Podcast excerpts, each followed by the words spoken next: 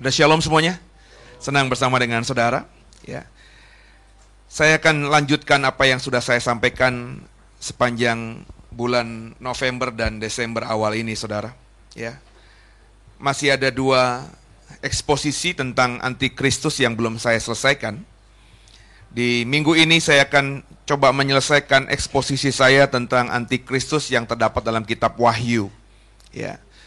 Mungkin nanti di Januari awal, Saudara, setelah kita bertahun baru, saya akan coba mengajak kita belajar antikristus dari nubuatan kitab Daniel, ya. Sekarang kita buka terlebih dahulu Wahyu pasal 13. Kita sudah mengekspos pasal 13 ini beberapa waktu yang lalu, tapi ada satu topik yang belum kita bahas.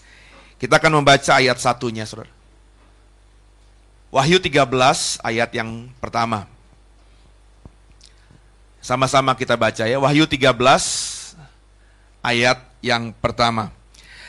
Tiga, satu, ya.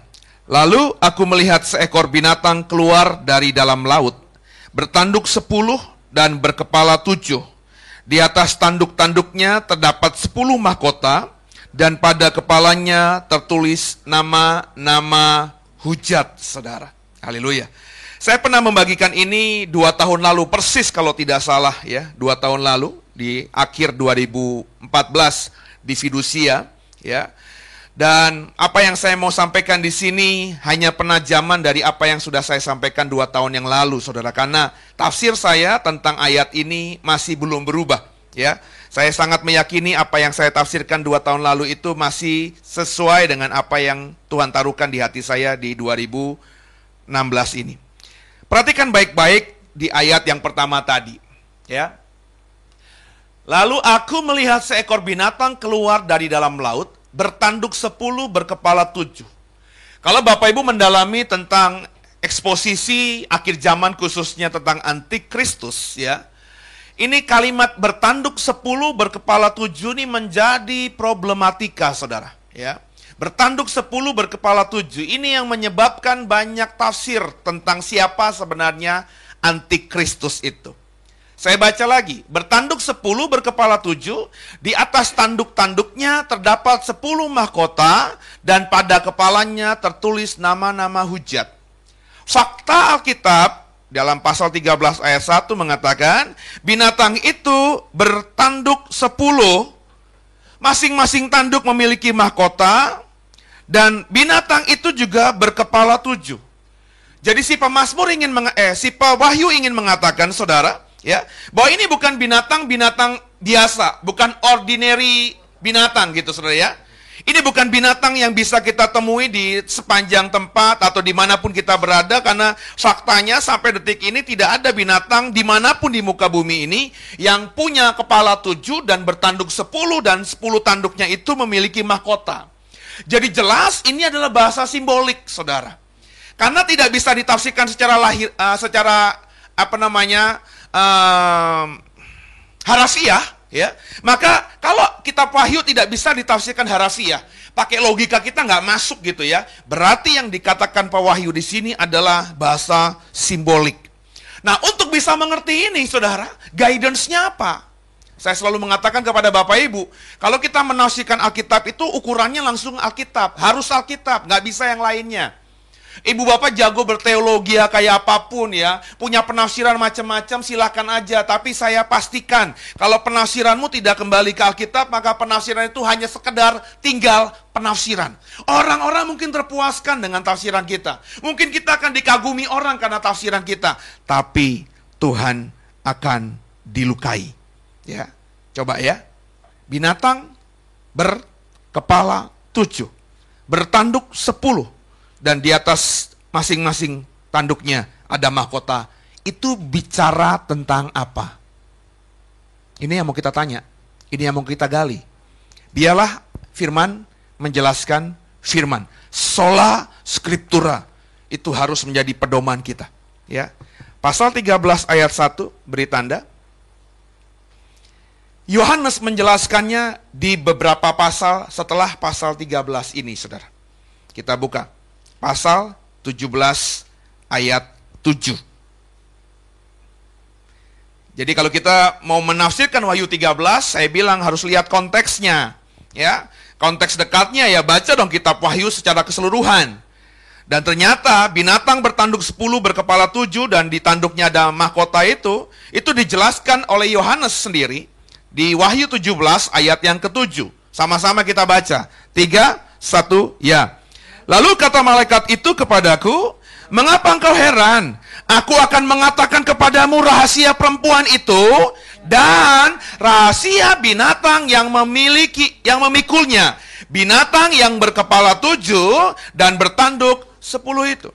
Jadi kalau kita lihat konteksnya di pasal 17, si Yohanes dapat penglihatan lagi tentang perempuan, saudara, ya, ya. Dikatakan situ perempuan yang sedang dipikul, memikul binatang yang berkepala tujuh dan bertanduk sepuluh itu. Binatang tujuh bertanduk sepuluh sebelumnya sudah muncul di pasal 13 yang kita baca tadi. Nah, di dalam pasal 17 ayat 7 ini, malaikat Tuhan menjelaskan kepada Yohanes, siapa sebenarnya binatang yang berkepala tujuh dan bertanduk sepuluh itu. Yuk, sama-sama kita baca ayat berikutnya. Ayat yang ke-8. Coba kita perhatikan. Ayat ke-8-nya. Tiga, satu ya. Adapun binatang yang telah kau lihat itu telah ada, namun tidak ada. Ia akan muncul dari jurang maut dan ia akan menuju kepada kebinasaan. Dan mereka yang diam di bumi, yaitu mereka yang tidak tertulis di dalam kitab kehidupan sejak dunia dijadikan, akan heran apabila mereka melihat bahwa binatang itu telah ada, namun tidak ada, dan akan muncul lagi. Ini menarik nih, kalimatnya ini permainan katanya sangat dalam sekali, saudara. Ya Yohanes nulis, Bapak Ibu harus paham dulu ya. Yohanes ketika nulis ini dia sedang dalam penghukuman di Pulau Patmos. Dia dapat pewahyuan itu di Pulau Patmos. Dia sedang dibuang oleh kekaisaran Romawi. Dia sedang dibenci oleh orang-orang Yahudi. Terus di situ di Pulau Patmos dia dapat hikmat dari Tuhan, dapat pewahyuan tentang akhir zaman. Yang kalau kita baca wahyu pasal pertama, pasal kedua, pasal ketiga, wahyu ini ditujukan Tuhan sebenarnya kepada tujuh gereja mula-mula. Benar ya? Ya ada tujuh gereja. Jadi yang saya harus sampaikan kepada saudara, si Yohanes ini sebenarnya dapat perintah Tuhan tentang akhir zaman, dapat vision, dapat penglihatan tentang akhir zaman, kemudian oleh Tuhan, wahyu itu, penglihatan itu harus dideliver, harus disampaikan kepada siapa? Kepada tujuh gereja yang ada saat itu. Nah, tujuh gereja berarti si Yohanes harus mengirim surat kepada tujuh gereja yang kita tahu itu gereja-gereja yang berada di kota-kota besar yang notabene dikuasai oleh kekaisaran Romawi dan oleh orang-orang Yahudi. Sehingga pesan Yohanes ini saudara itu banyak menggunakan bahasa-bahasa simbolik supaya apa? Supaya jika nantinya ya ini dengan hikmat Tuhan sampai utusannya itu ke Efesus Terus tiba-tiba kalau ditangkap oleh kekaisaran Roma, ditangkap oleh orang-orang Yahudi, baik yang menangkap itu tidak mengerti apa yang sedang mau disampaikan Yohanes kepada gereja mula-mula itu. Saya percaya saudara, inilah yang membuat akhirnya problematika tentang wahyu ini sampai terus berkelanjutan sampai akhir zaman. Ya, ada banyak bahasa-bahasa simbolik dalam kitab Wahyu yang akhirnya ditafsirkan oleh orang-orang, oleh teolog-teolog, oleh gereja-gereja sepanjang masa, sehingga sampai detik ini kalau Bapak Ibu pergi ke toko buku, beli tentang tafsir kitab Wahyu, maka tafsir kitab Wahyu dari buku yang satu dengan buku yang lain, dari penulis yang satu dengan penulis yang lain, dari terbitan yang satu dengan terbitan yang lain, bahkan sama-sama satu terbitan. Itu bisa berbeda-beda. Ya, ini menarik saudara kali saudara. Ya, kuncinya apa sebenarnya? Sebenarnya kuncinya biarlah ayat firman menjelaskan ayat firman. Oke? Coba kita ekspos. Adapun binatang yang telah kau lihat itu telah ada namun tidak ada. Apa pengertiannya? Binatang itu telah ada namun tidak ada. Coba ini kan permainan kata si Yohanes sedang dapat wahyu, terus dia nuliskan kepada jemaat tujuh gereja itu. Binatang antikristus itu, ya, kalau kita ganti binatang itu, antikristus itu telah ada, namun tidak ada. Koma, Antikristus akan muncul dari jurang maut. Itu yang sudah saya jelaskan di khotbah-khotbah sebelumnya bahwa antikristus itu adalah inkarnasi siapa? Kuasa jahat. Inilah poinnya Bapak Ibu. Ya. Antikristus telah ada namun tidak ada. Coba kita buka. Mungkin Bapak Ibu lupa. Siapa sebenarnya musuh kita itu? Efesus 6 ayat 12 tolong dibaca. Efesus 6 ayat 17. Ini juga ayat yang harus Bapak Ibu pahami sungguh ya. Dalam menghadapi problematika hidup apa pun, menghadapi tantangan apa pun, menghadapi musuh sekuat apa pun, Bapak Ibu harus pegang ayat ini. Ini firman Tuhan. Efesus 6 ayat 12, silakan dibaca. Karena perjuangan kita bukanlah melawan darah dan daging, tetapi melawan pemerintah-pemerintah, melawan penguasa-penguasa, melawan penghulu-penghulu dunia yang gelap ini, melawan roh-roh jahat di udara. Yang mau saya sampaikan di sini dengan kalimat Yohanes tadi di Wahyu 17 bahwa binatang itu telah ada namun tidak ada. Si Yohanes sebenarnya ingin mengatakan bahwa binatang itu secara spirit, secara roh, itu memang sudah ada. Dan dalam penjelasan Paulus kepada jemaat di Efesus bahwa perjuangan kita, ya, musuh kita, lawan kita bukanlah darah dan daging, tapi melawan pemerintah-pemerintah, bukan pemerintahan daging, koma, melawan penguasa-penguasa, bukan penguasa daging, koma, melawan penghulu-penghulu dunia yang gelap ini, bukan penghulu-penghulu dunia daging, koma, tapi melawan roh-roh jahat di udara. Yang saya mau katakan bahwa sebenarnya saudara, antikristus itu secara fisik memang manusia. Sama seperti saya bilang, Satan tuh kerjaannya copy paste pekerjaan Tuhan. Yesus ketika dia ada di dunia ini, ketika berinkarnasi menjadi manusia, memang wujudnya manusia. Dia merasakan lapar, lalu laparlah Yesus. Lalu sedihlah Yesus. Lalu menangislah Yesus.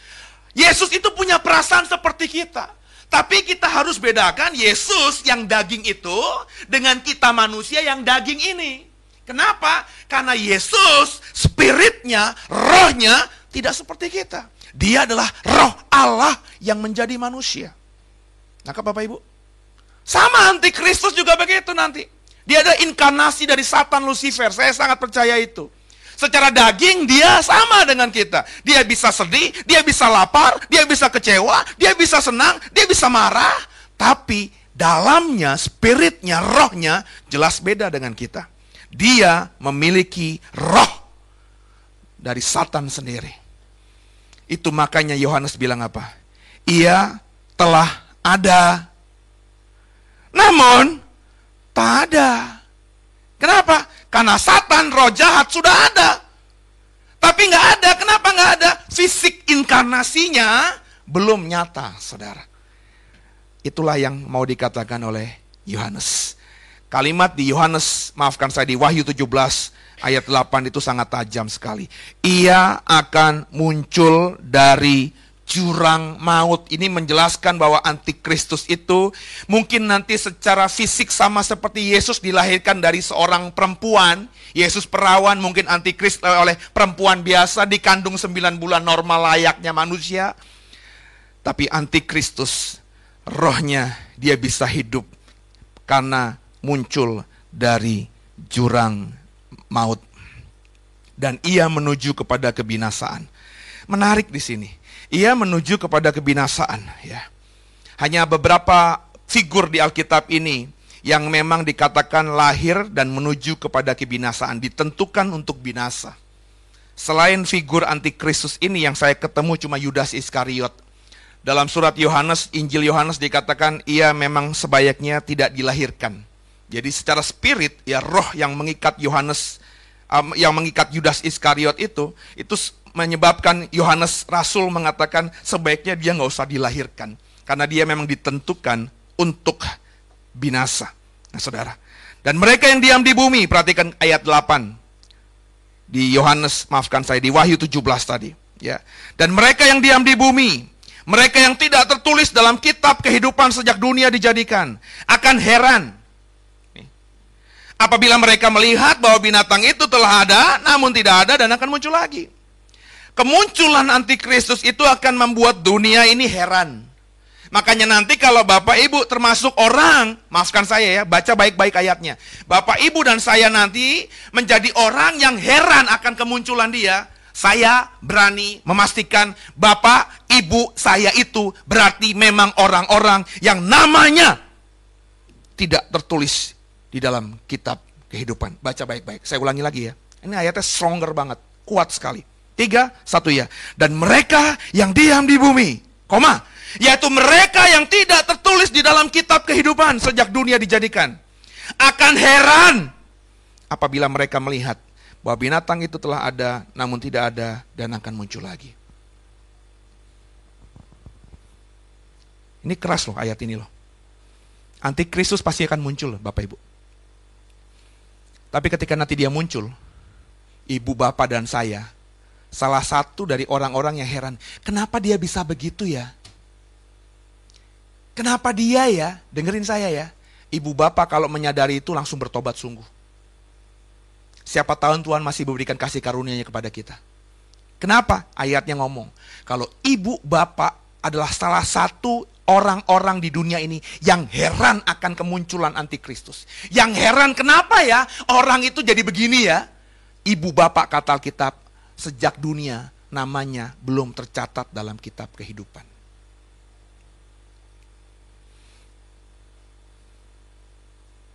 Ini salah satu dari nanti sekian banyak. Saya akan nanti lebih fokus pada mulai 2017. Saya akan buat kelas tentang kehidupan kekal. Ya. Yang saya mau katakan di sini Bapak Ibu, ini ayat salah satu yang harus Bapak Ibu perhatikan. Saya ngomong ini sungguh-sungguh kepada semua di sini. Orang yang namanya tertulis dalam kitab kehidupan, itu nggak akan heran dengan kemunculan antikristus nanti. Oke? Okay? Orang yang namanya sudah tertulis sejak sebelum dia diciptakan dalam kitab kehidupan adalah orang-orang yang dengan bijaksana akan bisa mengerti perubahan dunia yang nanti sebentar akan sangat cepat. Kalau ibu bapak adalah orang-orang yang nanti ketika kejadiannya menjadi orang-orang yang cepat khawatir, terus sepertinya merasa diri uh, terkejut. Sorry aja, saya ngomong nih. Ibu bapak harus punya pemahaman. Jangan-jangan saya namanya nggak ada dalam kitab kehidupan.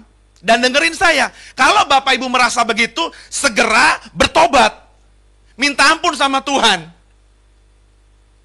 Dan segera memohon kepada Tuhan agar jangan tinggalkan kita. Oke, saya udah ngomong ya. Saya udah ngomong nih. Sebelum itu terjadi, ya. Bapak Ibu, kalau Bapak Ibu namanya sekali lagi saya ulangi, tidak tercatat dalam kitab kehidupan.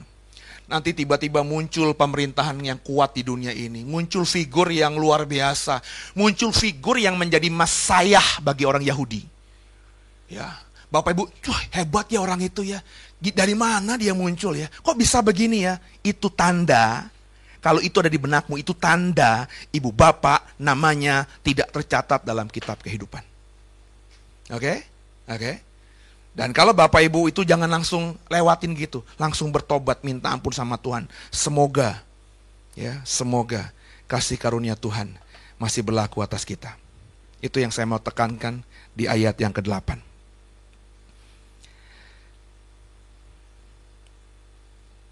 Ayat 9. Wahyu 17. Kembali, sudah saya tekankan di beberapa seri sebelumnya. Yang penting di sini ialah akal yang mengandung hikmat. Ingat gak? Saya pernah expose ini di Wahyu 13 ayat 18. Coba dibuka dulu, nanti beri tanda di sini. Wahyu 13 ayat 18, itu kalimatnya mirip. Dalam bahasa Yunaninya itu sama kata yang digunakan. Wahyu 13 ayat 18. Yang penting di sini ialah hikmat Barang siapa yang bijaksana, hikmat dan bijaksana di Wahyu 13 ayat 18 itu menggunakan kata Yunani yang sama yang digunakan di Wahyu 17 ayat 9. Yang penting di sini ialah akal yang mengandung hikmat. Hikmatnya sama, cuma kalau di Wahyu 17 menggunakan terjemahan Indonesia akal, dalam Wahyu 13 menggunakan terjemahan Indonesia bijaksana. Tapi kata dalam bahasa Yunani sama. Hikmat itu menggunakan kata Yunani sofia, Ingat ya, orang yang berhikmat ya, orang yang memahami uh, pengertian yang luar biasa, hikmat itu juga bisa dipersonifikasikan. Saya pernah ngomong itu, sebab dalam bahasa uh, Yunaninya, Sofia itu dalam terjemahan Inggris bisa diterjemahkan dengan kata hikmat tapi hanya besar. Hanya besar. H besar itu, hikmat H besar itu adalah hikmat yang dipersonifikasikan. Saya sudah kasih ayatnya, hikmat yang dipersonifikasikan itu bicara mengenai Yesus. Jadi yang penting di sini adalah Yesus hidup punya pengenalan tentang Yesus, ya. Sedangkan akal di pasal 17 atau bijaksana di, di pasal 13 itu menggunakan kata Yunani nous. Nous itu bisa akal, bisa akal budi, bisa hikmat, bisa bijaksana dan lain sebagainya, Saudara. Ya. Ayo sama-sama kita memahami. Sekali lagi, Wahyu Yohanes mengatakan yang penting di sini adalah akal. Akal di sini nous yang juga bisa berarti bijak apa? bijaksana, ya. Dan hikmat. Hikmat itu apa? Yesus. Maka saya selalu kalau ada orang nafsirin kitab Wahyu, orang itu baru setahun dua tahun bertobat, terus misalnya dia punya pengalaman kesaksian begitu ya tentang akhir zaman, saya tidak terlalu mempercayainya, saudara. Ya. Kenapa? Karena jelas berkali-kali Yohanes sudah mengingatkan, yang penting di sini akal, bukan cuma akal, bukan kepintaran, tapi adalah hikmat. Hikmat itu penekanannya adalah hikmat yang dipersonifikasikan Yesus, pengenalan akan Yesus. Karena sepanjang pengetahuan saya nggak mungkin orang baru setahun bertobat, dua tahun bertobat, pengenalan akan Yesus itu lebih dalam daripada orang yang sudah mengenal Yesus atau sudah bertemu dengan Yesus atau sudah tahu tentang Yesus bertahun-tahun. Ya. Pengenalan itu butuh waktu. Ya. Perhatikan ayat 9-nya. Yang penting di sini ialah akal yang mengandung hikmat. Ketujuh kepala itu dijelaskan loh di kitab Wahyu 17 ini jadi nggak usah ditafsirin macam-macam. Ketujuh kepala di Wahyu 13 itu A, B, C, D, E. Nggak usah. Diterjemahkan kok, ditafsirkan kok oleh Wahyu sendiri. Ketujuh kepala itu ialah tujuh gunung. Oke? Okay? Nah, tujuh gunung ini menarik. Ya, sebab kalau Bapak Ibu menggeluti apa namanya dunia akhir zaman, tujuh gunung ini ditafsirkan oleh oleh banyak teolog ya. Tujuh gunung yang mengelilingi kota Roma. itu jadi Kota Roma itu ada salah satu sebutannya adalah kota yang dikelilingi oleh tujuh gunung.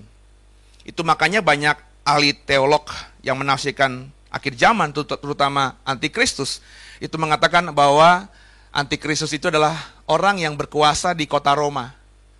Nggak perlu saya jelaskan dong, orang yang berkuasa di kota Roma itu siapa? Ada negara di dalam kota Roma, Bapak Ibu nggak perlu saya jelaskan. Tapi saya sebagai hamba Tuhan, penafsir yang berdiri di mimbar ini, tidak mengatakan itu. Karena tujuh gunung di sini tidak titik, itu koma. Perhatikan baik-baik. Ya. Orang selalu berhenti pada titik seolah-olah. Ketujuh kepala itu tujuh gunung. Oh, satu-satunya kota di dunia ini yang dikelilingi tujuh gunung cuma kota Roma. Makanya kota Roma disebut kota yang dikelilingi tujuh gunung. Wah, kota Roma itu ada satu negara. Ya, negara yang sekarang ini pemimpinnya adalah pemimpin umat terbesar di dunia. Ya. Itu berarti antikristus. Ya. Ingat, itu belum titik, itu koma. Kalau baca Alkitab itu harus benar-benar dilihat. Ya. Golnya bukan tujuh gunung. Koma. Yang di atasnya perempuan itu duduk, ayat 10. Oke? Okay? Ketujuhnya adalah juga tujuh raja. Nah, itu poinnya. Jadi rupanya binatang yang punya tujuh kepala tadi adalah binatang yang kata Yohanes sebenarnya adalah tujuh raja. Jadi tujuh raja itulah yang dibahasakan simbolik oleh Yohanes di pasal 8 tadi. Binatang yang memiliki kepala tujuh. Tujuh raja. Coba ayat 10, lanjut lagi. ya Lima di antaranya sudah jatuh. ya Yang satu ada dan yang lain belum datang. Lima sudah jatuh, satu ada, berarti lima tambah satu enam, ya. Yang satu belum datang, tujuh plus, benar ya. Inilah tujuh kepala itu. Yang kata Yohanes sebenarnya tujuh raja, ya. Dan jika ia datang, si apa raja yang belum datang itu, ia akan tinggal bahasanya seketika aja. Seketika aja. Ini kunci juga. Ya. Nah, sekarang kita mau coba dalami di ayat 10 ini. Lima raja yang sudah jatuh. Satu raja yang ada dan yang satu raja yang belum datang itu siapa? Sekali lagi, bacanya harus pakai bacanya Yohanes. Yang nulis ini tuh Yohanes, bukan pendeta Seno, bukan juga orang-orang lain. Kalau ini saya tafsirkan semau saya sendiri, tujuh raja itu bisa saya tafsirkan macam-macam. Bisa saya bilang, ini berarti presiden Indonesia, karena Indonesia sudah punya tujuh presiden. Benar nggak? Benar nggak? Ya, bisa kan? Soekarno, Soeharto, Habibie, itu siapa lagi? Gus Dur, Megawati, ya, SBY, ya mungkin ya SBY kan baru jatuh nggak kehitung, ya, yang satu akan muncul Jokowi. Bisa kita tafsirkan gitu nggak? Bisa. Tapi ingat, yang nulis di sini bukan si Seno, tapi Yohanes. Maka Yohanes ini harus kita pahami. Jadi lima raja yang sudah jatuh itu adalah lima raja yang sudah jatuh di zamannya Yohanes. Yohanes itu siapa? Yohanes itu orang Israel. Jadi yang harus kita perhatikan ini, yang disebut tujuh raja atau tujuh kerajaan ini adalah tujuh atau tujuh kerajaan, tujuh raja yang sangat mempengaruhi harkat hidup orang-orang Israel. Jadi kita nggak bisa ngomong tujuh raja ini raja Siliwangi.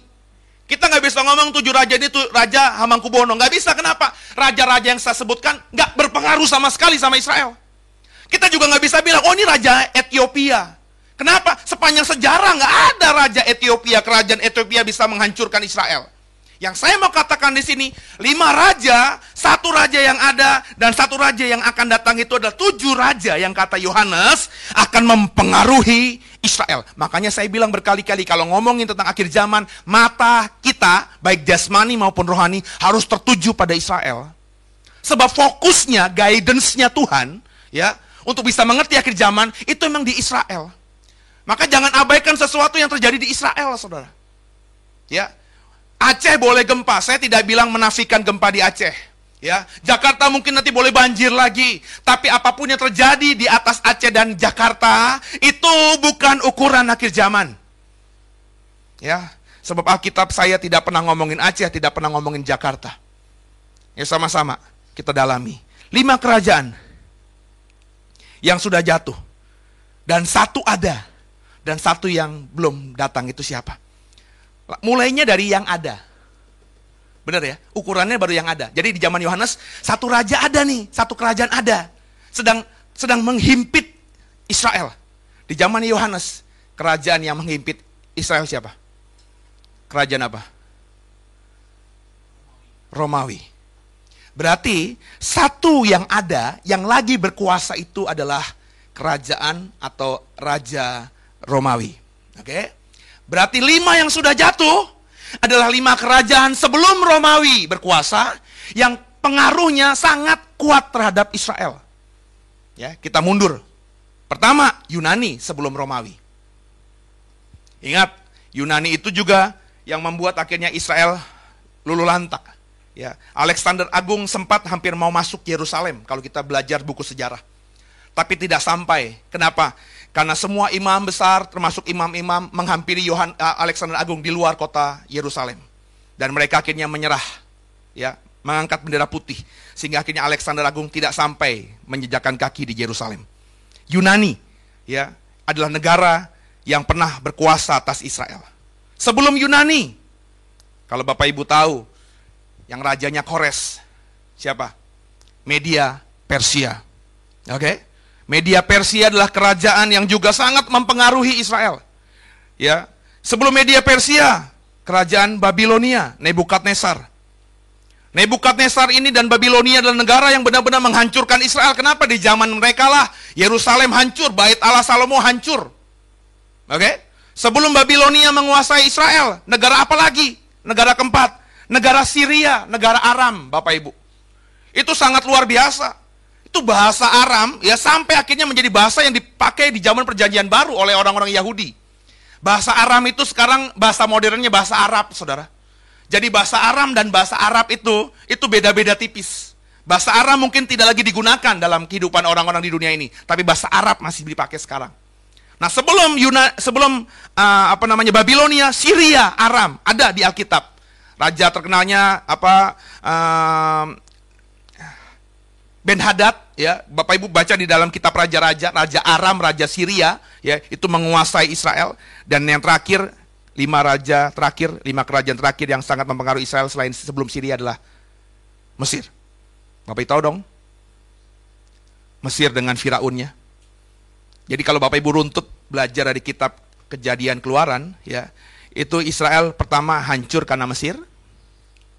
Habis lewat Mesir ketemu Aram atau Syria. Habis ketemu Aram, Syria, ketemu Babilonia.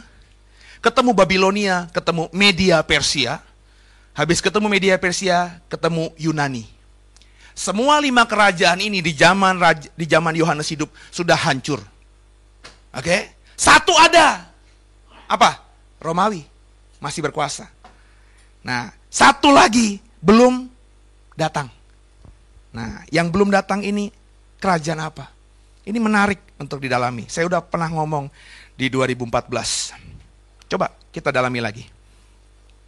Ayat yang ke 11. Oke, ayat 10 dulu kita baca. Kita ulang baca 10. 3, ayat 10. 3, 1 ya. Ketujuhnya adalah tujuh raja. Lima di antaranya sudah jatuh, kita sudah bahas itu. Yang satu ada, kita sudah bahas juga. Dan yang lain belum datang, ini belum kita bahas. Dan jika ia datang, ia akan tinggal seketika aja. Seketika aja garis bawahi kalau Bapak Ibu punya Alkitab. Oke? Okay? Ayat 11-nya. Dan binatang yang pernah ada, dan sekarang tidak ada itu, ia sendiri adalah raja ke-8. Dan namun demikian, satu dari ketujuh itu. Dan ia menuju kepada kebinasaan. Jadi rupanya kata Yohanes, ngomongin binatang yang telah ada namun tak ada, yang akan muncul dari jurang maut, binatang yang tampaknya tujuh, punya tujuh kepala, sepuluh tanduk itu, bukanlah salah satu sebenarnya dari tujuh raja itu. Sebab kata Yohanes, dia sebenarnya adalah raja ke-8. Tapi meskipun dia raja ke-8, dia satu di antara tujuh raja itu. Nah ini permainan kata yang menarik juga saudara. Ya, permainan kata yang menarik. Siapakah raja ketujuh dulu sebelum kita ngomongin raja ke-8? Nah, raja ke-8 tentu adalah kerajaan atau raja setelah Romawi. Benar ya? Yang sangat berdampak pada Israel atau Yahudi. Problemnya saudara, setelah Romawi habis dalam sejarah dunia ini, Israel sudah lebih dulu hilang dari peredaran di muka bumi. Itu menariknya. Ya. Jadi kalau kita lihat sejarah Israel, Yohanes ketika nulis kitab Wahyu ini adalah kitab yang ditulis paling akhir. Diperkirakan ditulis paling awal adalah akhir dari abad pertama, yakni sekitar tahun 95. Banyak penafsir mengatakan ditulis di awal abad kedua, Berarti sekitar tahun 101, 102, 103. Di antara waktu itulah kitab Wahyu ini ditulis oleh Yohanes. Oke. Okay. Problemnya dalam sejarah Israel. Di tahun 132 Masehi, berarti kurang lebih 30 tahun setelah kitab Wahyu ini ditulis oleh Yohanes, itu terjadi perang besar di Israel yang disebut dengan perang Bar Kokhba. Kalau Bapak Ibu suka sejarah, itu menarik. Jadi si Bar Kokhba ini memimpin pertempuran melawan Romawi.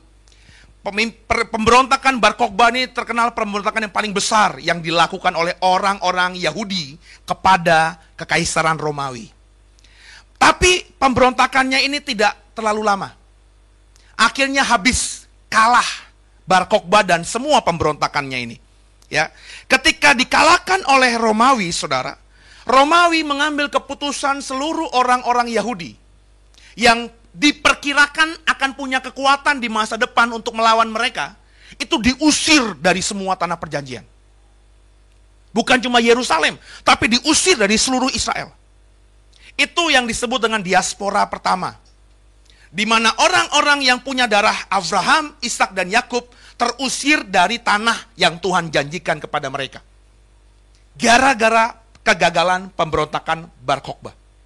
Mereka tercerai-berai. Oke, okay? 132 Masehi.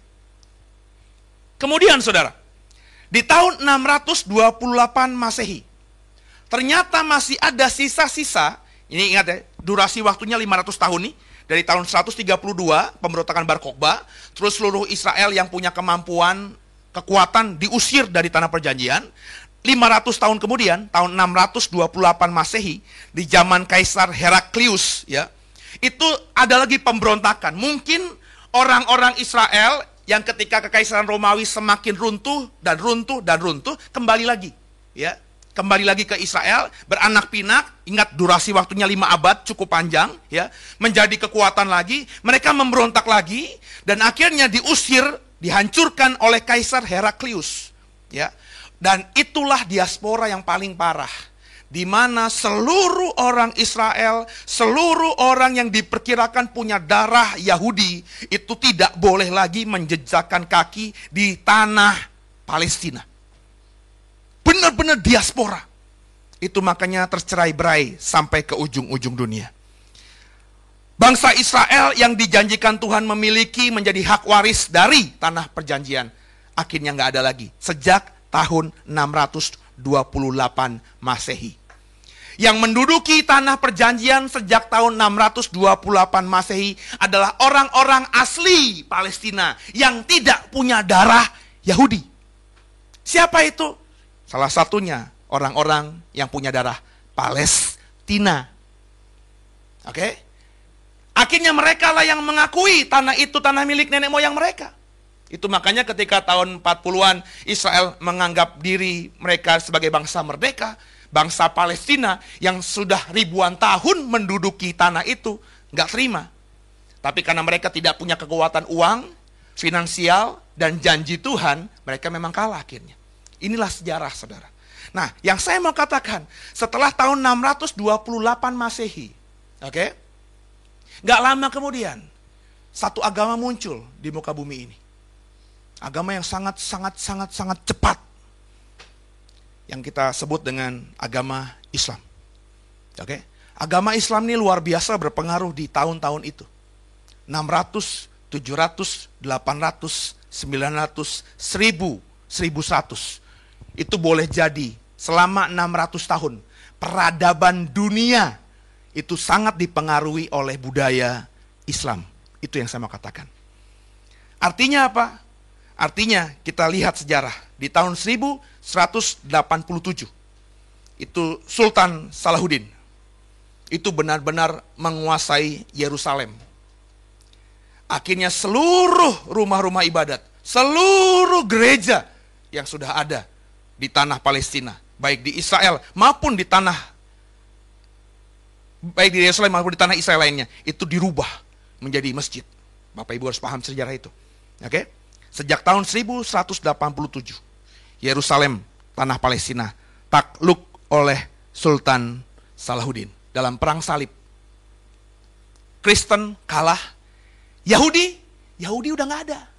Ingat, Yahudi sejak tahun 628 sudah nggak ada lagi di tanah Palestina. Yang adalah orang-orang Palestina Orang Palestina ini siapa? Orang-orang yang pastinya beragama Kristen, Bapak Ibu. Kenapa? Karena Islam kan baru muncul tahun 600 sekian. Berarti ketika orang-orang Yahudi diusir oleh Kaisar Heraklius ya dari tanah Palestina, yang menduduki itu penduduk asli.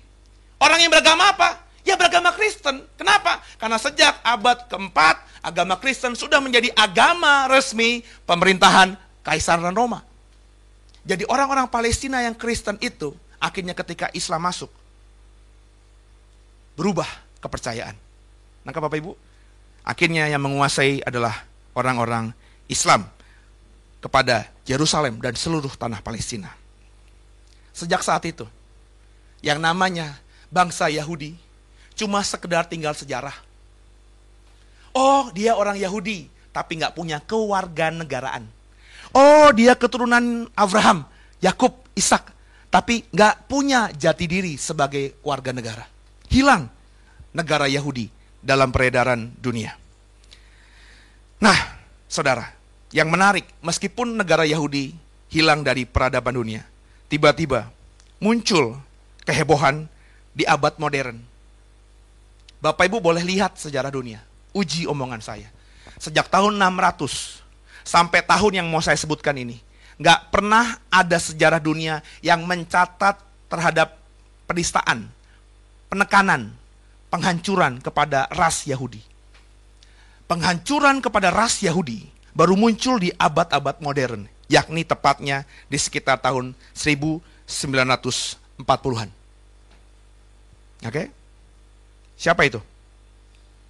Kalau Bapak Ibu ingat peristiwa Holocaust, ya dari bahasa Yun, uh, Yunani, bahasa Latin.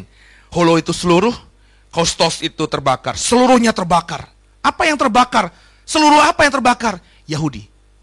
Kenapa? Di tahun-tahun 40-an itu, sejarah sampai saat ini belum dibatalkan. 6,3 juta penduduk yang punya darah Yahudi dibunuh oleh pemimpin Nazi yang namanya Adolf Hitler. Kalau kita lihat sejarah dunia, saya sangat percaya, saya sudah ngomong 2014, sekarang saya ngomong di 2016 lagi. Raja ketujuh yang di zaman Yohanes dapat wahyu ini belum muncul. Ya. Ya, belum muncul. Itu adalah Hitler dengan Nazinya. Perhatikan lagi, coba lihat. Untuk membuktikan omongan saya ini, ayat 10, Wahyu 17. Wahyu 10, Wahyu 17 ayat 10. Tiga satu ya. Ketujuhnya adalah juga tujuh raja, Lima di antaranya sudah jatuh, kita sudah pelajari tadi. Siapa saja? Mesir, terus Syria atau Aram, Babilonia, Media Persia, Yunani, oke? Okay? Satu ada apa? Romawi dan satu yang lain belum datang. Siapa? Yang saya bilang tadi.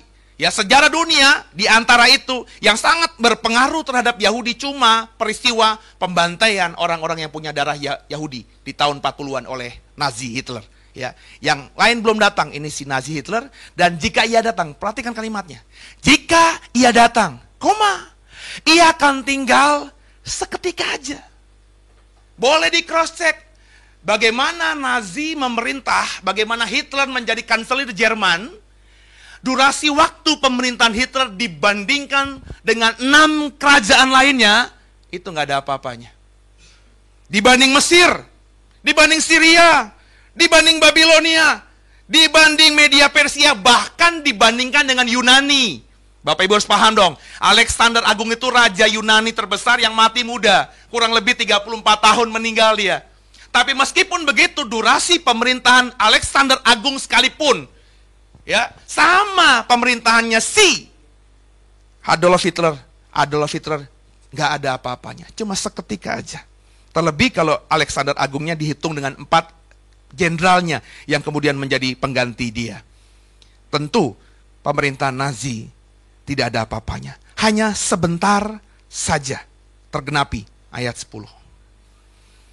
Nah saudara, kita sudah bahas tujuh tanduk itu. Tapi binatang itu bukan tujuh tanduk itu. Bukan tujuh raja itu. Benar ya? Kita ngomong tadi apa? Binatang itu adalah raja ke delapan. Tapi ia adalah satu dari tujuh raja atau kerajaan yang pernah muncul itu. Ini kalimatnya diterjemahkan gimana jadi? Saya berani berkata bahwa raja ke-8 si antikristus ini bukan ya nggak ada hubungannya sama sekali dengan tujuh kerajaan, tujuh raja yang pernah menghancurkan Israel. Tapi Alkitab yang ngomong bukan saya. Dia salah satu dari tujuh itu. Saya tafsirkan pakai bahasa saya. Meskipun si antikristus nanti yang muncul sebentar lagi. Nggak ada hubungannya dengan tujuh kerajaan yang sebelumnya pernah menghancurkan Israel. Tapi dia mewarisi, dia memiliki satu spirit yang kuat dari tujuh kekaisaran itu. Sekarang ini, sekali lagi ya, saya ngomong dihubungkan dengan konteks 2016. Di 2016 akhir ini, oke, okay, saya berkata antikristus itu mungkin di depan mata kita. negara mana yang sekarang ini punya pemimpin pemerintahan atau calon pemimpin pemerintahan yang punya spirit sama seperti tujuh raja atau tujuh kerajaan yang pernah menghancurkan Israel. Kita agak miss kalau kita ngomongin Mesir, Syria, Babilonia, Media Persia, Yunani, Romawi. Kenapa? Di enam kerajaan ini muncul banyak raja. Benar ya? Kita fokusnya bingung, mau ngomongin raja yang mana? Ngomongin Firaun aja. Firaun itu bukan cuma satu loh Bapak Ibu, banyak sekali Firaun. Ya, kita bisa ngomong Firaun yang paling kejam tentu Firaun yang memerintah yang bukan apa namanya uh, memiliki hubungan dengan dengan dengan dengan Musa, tapi yang yang memerintah selanjutnya ketika uh, Yakub datang ke Israel, eh, ke Mesir kan Firaunnya baik tuh. Buktinya Yakub diangkat menjadi tangan kanannya, benar ya? Ya. Yusuf ya, Yusuf jadi tangan kanannya gitu kan. Bukan ngomongin Firaun itu, tapi Firaun di mana uh, yang lahir setelah zaman itu. Setelah zaman Mus, apa, Musa diangkat anak oleh putri Firaun. Ya, itu yang baru kejam, benar kan saudara ya? Jadi kita ngomongin Firaun yang mana? Itu masih problematika. Tapi dari rangkaian enam, uh, tujuh raja tadi, tujuh kerajaan tadi, yang paling bisa jelas tentu kita dalam ingatan kita karena pasti tertulis dalam buku, buku sejarah adalah tafsiran saya yakni tujuh raja apa raja ketujuh. Kerajaan ketujuh. Siapa tadi? Siapa tadi? Tafsiran saya ya. Jarang yang ngomong ini. Tafsiran saya Nazi dan Hitler. Bapak Ibu tahu Nazi dan Hitler ketika memerintah terhadap Israel apa yang paling spirit kuatnya? Membenci ras Jus. Benar ya? Kebencian terhadap Sarah. Kenapa? Karena Hitler merasa rasnya dia. Ini Sarah, ngomongin Sarah nih.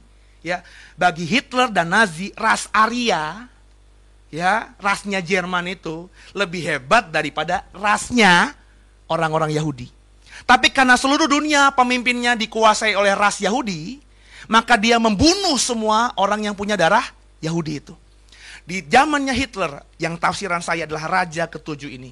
Yang paling muncul berdekatan dengan Israel adalah kebencian terhadap Israel. Kebencian terhadap ras Israel. Ngomongin S-A-R-A.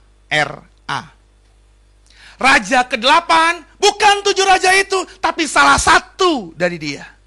Saya mengatakan, Raja ke-8 nggak ada hubungannya dengan Mesir, Syria, Babilonia, Media Persia, Yunani, Romawi nggak ada hubungannya.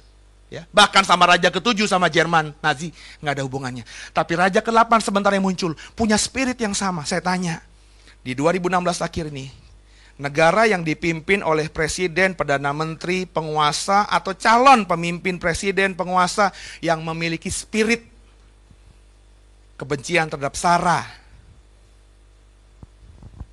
Udah bisa nebak dong? Dihubungkan dengan khotbah saya tentang Gog dan Magog. Benar dong? Sampai sekarang, sebelum saya khotbah ini, saya tadi browsing lagi di internet. Ya, bagaimana calon pres, uh, presiden terpilih yang sekarang ini, ya, itu begitu membencinya, sehingga ketika dia menunjuk, Bapak Ibu nggak perhatikan ya, dia nunjuk uh, menteri-menterinya, itu yang punya pengaruh memang mendukung. Perundang-undangan kebijaksanaan politik presiden terpilih yang saya mau maksudkan ini juga sangat keras ya. Tidak suka dengan warga pendatang. Oke? Okay? Ngomongin dunia Islam, dia belum menarik ucapannya. Ya. Dan terlebih kebijaksanaan dia yang saya baca belum lama ini. Muncul di headline di running text di kantor berita saya lupa, Metro TV atau apa? Kita lagi nonton itu ya. Donald Trump akan memastikan memindahkan kedutaan besar Amerika ke Yerusalem. Dan itu kayak saya cross check di CNN, di BBC, di Al Jazeera, semuanya mengkonfirm hal itu. Kebijaksanaan itu kalau dilakukan, tentu efeknya luar biasa. Bapak Ibu, yang saya mau katakan, orang yang namanya tertulis dalam kitab kehidupan adalah orang yang gak terkejut dengan hal-hal itu. Bapak Ibu, saya tidak sedang bernubuat ini. Sekali lagi saya ngomong, saya cuma memamarkan fakta Alkitab dan konteks 2016. Tolong diuji saja. Coba satu ayat lagi. Sebelum kita selesaikan ini. Ayat yang ke-12. Kita baru ngomongin tujuh kepala. Belum ngomongin sepuluh tanduk. Ini nanti tergenapi dulu, baru benar yang saya tuju orangnya itu adalah antikristus. Dan sepuluh tanduk ayat 12, tiga satu ya. Dan sepuluh tanduk yang telah kau lihat itu ialah sepuluh raja yang belum mulai memerintah. Tapi satu jam lamanya mereka akan menerima kuasa sebagai raja bersama-sama dengan binatang itu. Mereka seia sekata, kekuatan, kekuasaan mereka, mereka berikan kepada binatang itu. Ini yang harus terbukti. Kalau tafsiran saya tentang dugaan saya siapakah antikristus itu benar, tergenapi dalam beberapa waktu ke depan, oke, okay, ini juga harus tergenapi. Saya bilang kan, dalam khotbah Gog dan Magog, ini baru tanda pertama. Ada beberapa tanda yang akan saya sampaikan di kemudian hari. Ini tanda kedua. Tanda kedua ini harus tergenapi. Apa? Yakni ada kesepakatan di antara sepuluh raja yang belum mulai memerintah. Tapi mereka nanti akan seia sekata. Bahasanya jangan diputus-putus. Banyak orang bilang, sepuluh raja yang belum memerintah. Oh, berarti raja ini belum ada, negara ini belum ada. Enggak, enggak begitu kalimatnya. Ini koma. Ya, ya kalimatnya koma. Tapi satu jam lamanya mereka akan menerima kuasa, mereka akan seia sekata. Yang saya mau tafsirkan dari ayat 12 dan ayat 13 apa? Raja dan kerajaannya sudah ada tapi mereka belum secara resmi berkolaborasi. Bapak Ibu harus ingat Wahyu 13 ayat 16, 17, 18. Antikristus itu tanda 666 sudah saya jelaskan kemarin apa ngomongin apa? Ngomongin apa Pak? Mamon, uang. Makanya di ayat Wahyu 13 ayat yang ke-17, kalau tidak pakai tanda itu, tidak akan bisa bertransaksi ekonomi. Pikiran mereka dikuasai mamon, tangan mereka bekerja hanya untuk mamon. Berarti 10 kerajaan ini ya saya tafsirkan adalah 10 pemerintahan yang paling kuat secara ekonomi di dunia ini. Kalau kita melihat tandanya sudah ada, Pak. Paling tidak saya mencatat ada yang disebut dengan government age, GH. GH ini adalah delapan negara maju secara politik dan ekonomi.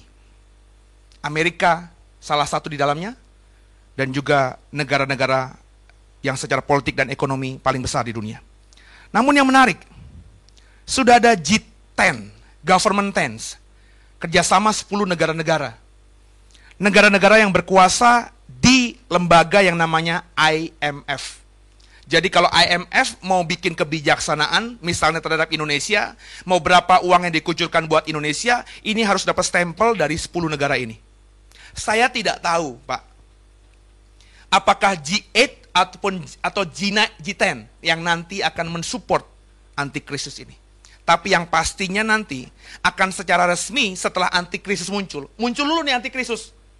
Antikrisis muncul, kalau dugaan kita itu benar dia, ya, dia memindahkan Yerusalem, dia memindahkan ibu kota dari Tel Aviv menuju Yerusalem, terus dia mengizinkan Israel membangun bait Allahnya, itu tanda pertama. Yang kedua, setelah itu, kalau benar dia, ya, maka nggak lama ada 10 kekuatan ekonomi. Mamon, ingat ya, tanda antikristus itu mamon.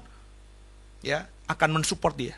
Nah, 10 negara ekonomi ini kita tidak tahu apakah G8 sekarang atau G10 sekarang atau nanti muncul koalisi 10 negara yang memang sangat berpengaruh secara ekonomi.